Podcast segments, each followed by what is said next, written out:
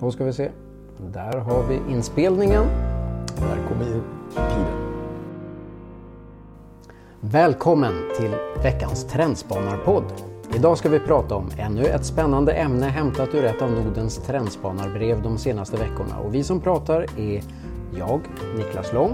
Jag heter Kjell Lindström som Ja, vanligt. som vanligt. Som vanligt. Oss kan ni lita på. Ja. Och vi, ni kan också lita på att vi har ett spännande tema att samtala om den här veckan. Eh, och det här har med, med fossildrivenhet att göra. Ja, det här är ju en megatrend. Det här är ju en Ja. stor rörelse ska jag vilja säga vi, vi håller på att titta på. Och eh, artikeln som vi förlitar oss på det är från tidningen New Scientist som är en amerikansk eh, tidning som, som eh, eller journal, journal heter det väl. Som konstaterar att Frankrike tänker sig att fundera på att förbjuda fossildrivet från 2040. Och det är väl vad, är det 15 år dit? Något sånt där? Ja, nu är du nog före din tid. Ja, det det, 25 det bör vara ungefär 23 år dit. 23 år dit, så var det med det ja. Eh, Den franska regeringen funderar på att förbjuda försäljning av bensin och dieseldrivna bilar i året anno 2040. Vad Ja. tänker vi om detta Niklas? Ja, Det här, det här är ju spännande. Det har ju, gått, det har ju kommit lite, lite olika nyheter på det här temat på senaste tiden. Så det, det är ju en tydlig trend. Att Ja, det, drar, det. det drar åt det, Det hållet. drar åt det hållet, ja. Frågan är ju vad man menar och hur mycket greenwashing det är i det här. Att Mm. man försöker framstå som mer miljövänlig än man egentligen är. Mm. Ehm, för det, det ju, det, man får det ju så ofta, åtminstone i rubrikerna och ingressen, att låta som att nu är det bara elbilar som gäller, vi tar vårt ansvar. Och så visar det sig att ja, nej, men det är nog elbilar ska vi förstås ha och så hybrid, hybridbilar då. Och hybridbilar, ja det är bra. Så. Men det är fortfarande samma eländiga fossildrivna motorer i de där åbäkorna. Ehm, j- jag har ju en teori om det här med hybridbilar. Få höra Niklas Ja. om din teori vill jag gärna höra. Ja. Känner, jag- känner jag just. Ja.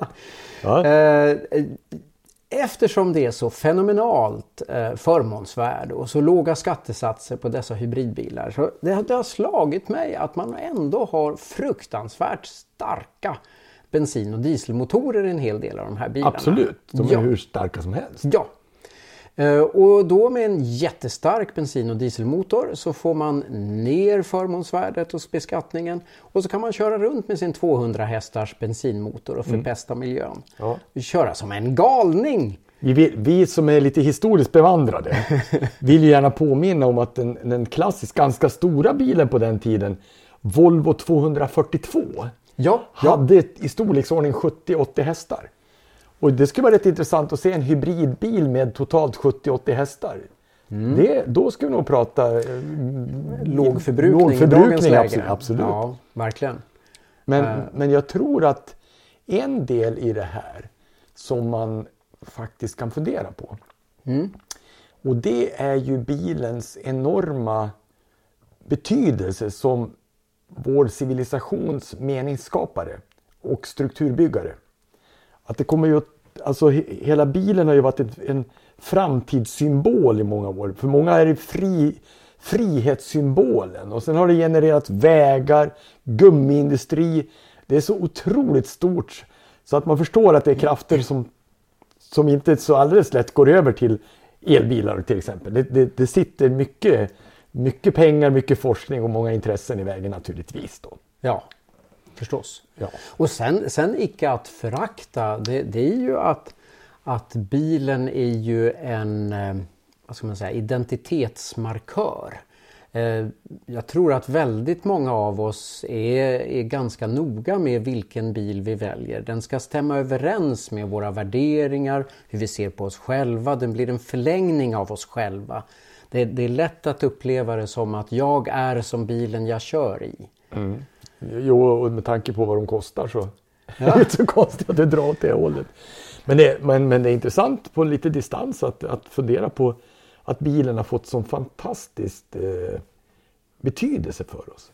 Att det är så betydelsefullt. Och jag tänker ibland på den här nya generationen, eh, de nya generationerna ska man säga, som, som har växt upp framför datorerna mer. Att jag är inte tvärsäker på att bilen har den symboliska betydelsen som den hade en gång. Alltså, så vi får se vad det kommer att få, få för, för, för effekter Mm. naturligtvis. Då. En, en sak när det kommer till, till bilar och, och miljövänlighet och vad bilen betyder för oss och sådär. Eh, Det, emellanåt så har jag funderat lite på vilka, det, det är ett par olika saker i en bil som, som ger det värde som bilen har för mig. Jag har startnyckeln. Den gör att jag kan ge mig iväg precis när jag har lust. Jag har eh, ratten. Det gör att jag väljer själv väg om jag vill köra en liten omväg eller snabbast väg, kortaste väg till målet. Jag har gaspedalen som avgör hur fort jag ska köra. Eh, ja, det, och det, det är ju de tre nyckelbitarna där. Bromspedalen i och för sig, men den hänger ihop med gas, gas och så. Att hur, Det är manöverförmågan är du ute Ja, efter. det- men, men om du skulle välja en av de här tre som du måste välja bort och bara får ha två kvar. Vilken skulle du välja då? Åh, så besvärligt. Jag tror jag skulle vilja ha kvar Ja, ratten och nyckeln. Ja. Sen kan jag nog stå ut med att det inte går riktigt lika fort eller sakta som jag tänkt mig. Men eh, att köra vad jag ville, det tror jag skulle vilja. Ja. Hur tänker du? Jag tänker precis likadant. Ja. Jag tror att de flesta av oss gör det. Eh, Det är klart att sen vill man ju ha en bil som stämmer överens med ens självbild på något sätt. Och den, för en del är den ju väldigt stor. Så för andra kan den se annorlunda ut. Men, men jag tror att de flesta av oss skulle nog kunna, i valet mellan de här olika sakerna som bilen betyder för oss, så tror jag att vi skulle nog kunna välja bort, eh, välja bort eh, gaspedalen.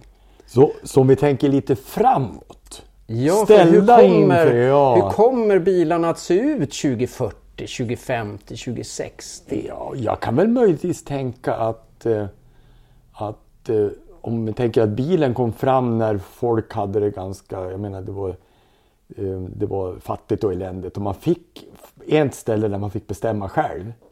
Idag så har man hela nätet, man kan bestämma vad som helst så kanske man kan stå ut med att när man kör bilen så räcker det att man får styra och starta.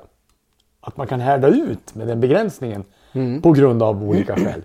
Eh, Det är kanske är möjligt. Det är kanske är en stor spaning du är inne på Det Niklas. kanske är det som är öppningen för de där självkörande bilarna som jag inte riktigt litar på än. Nej, så att nästa gång vi tar den här spaningen om 15 år typ.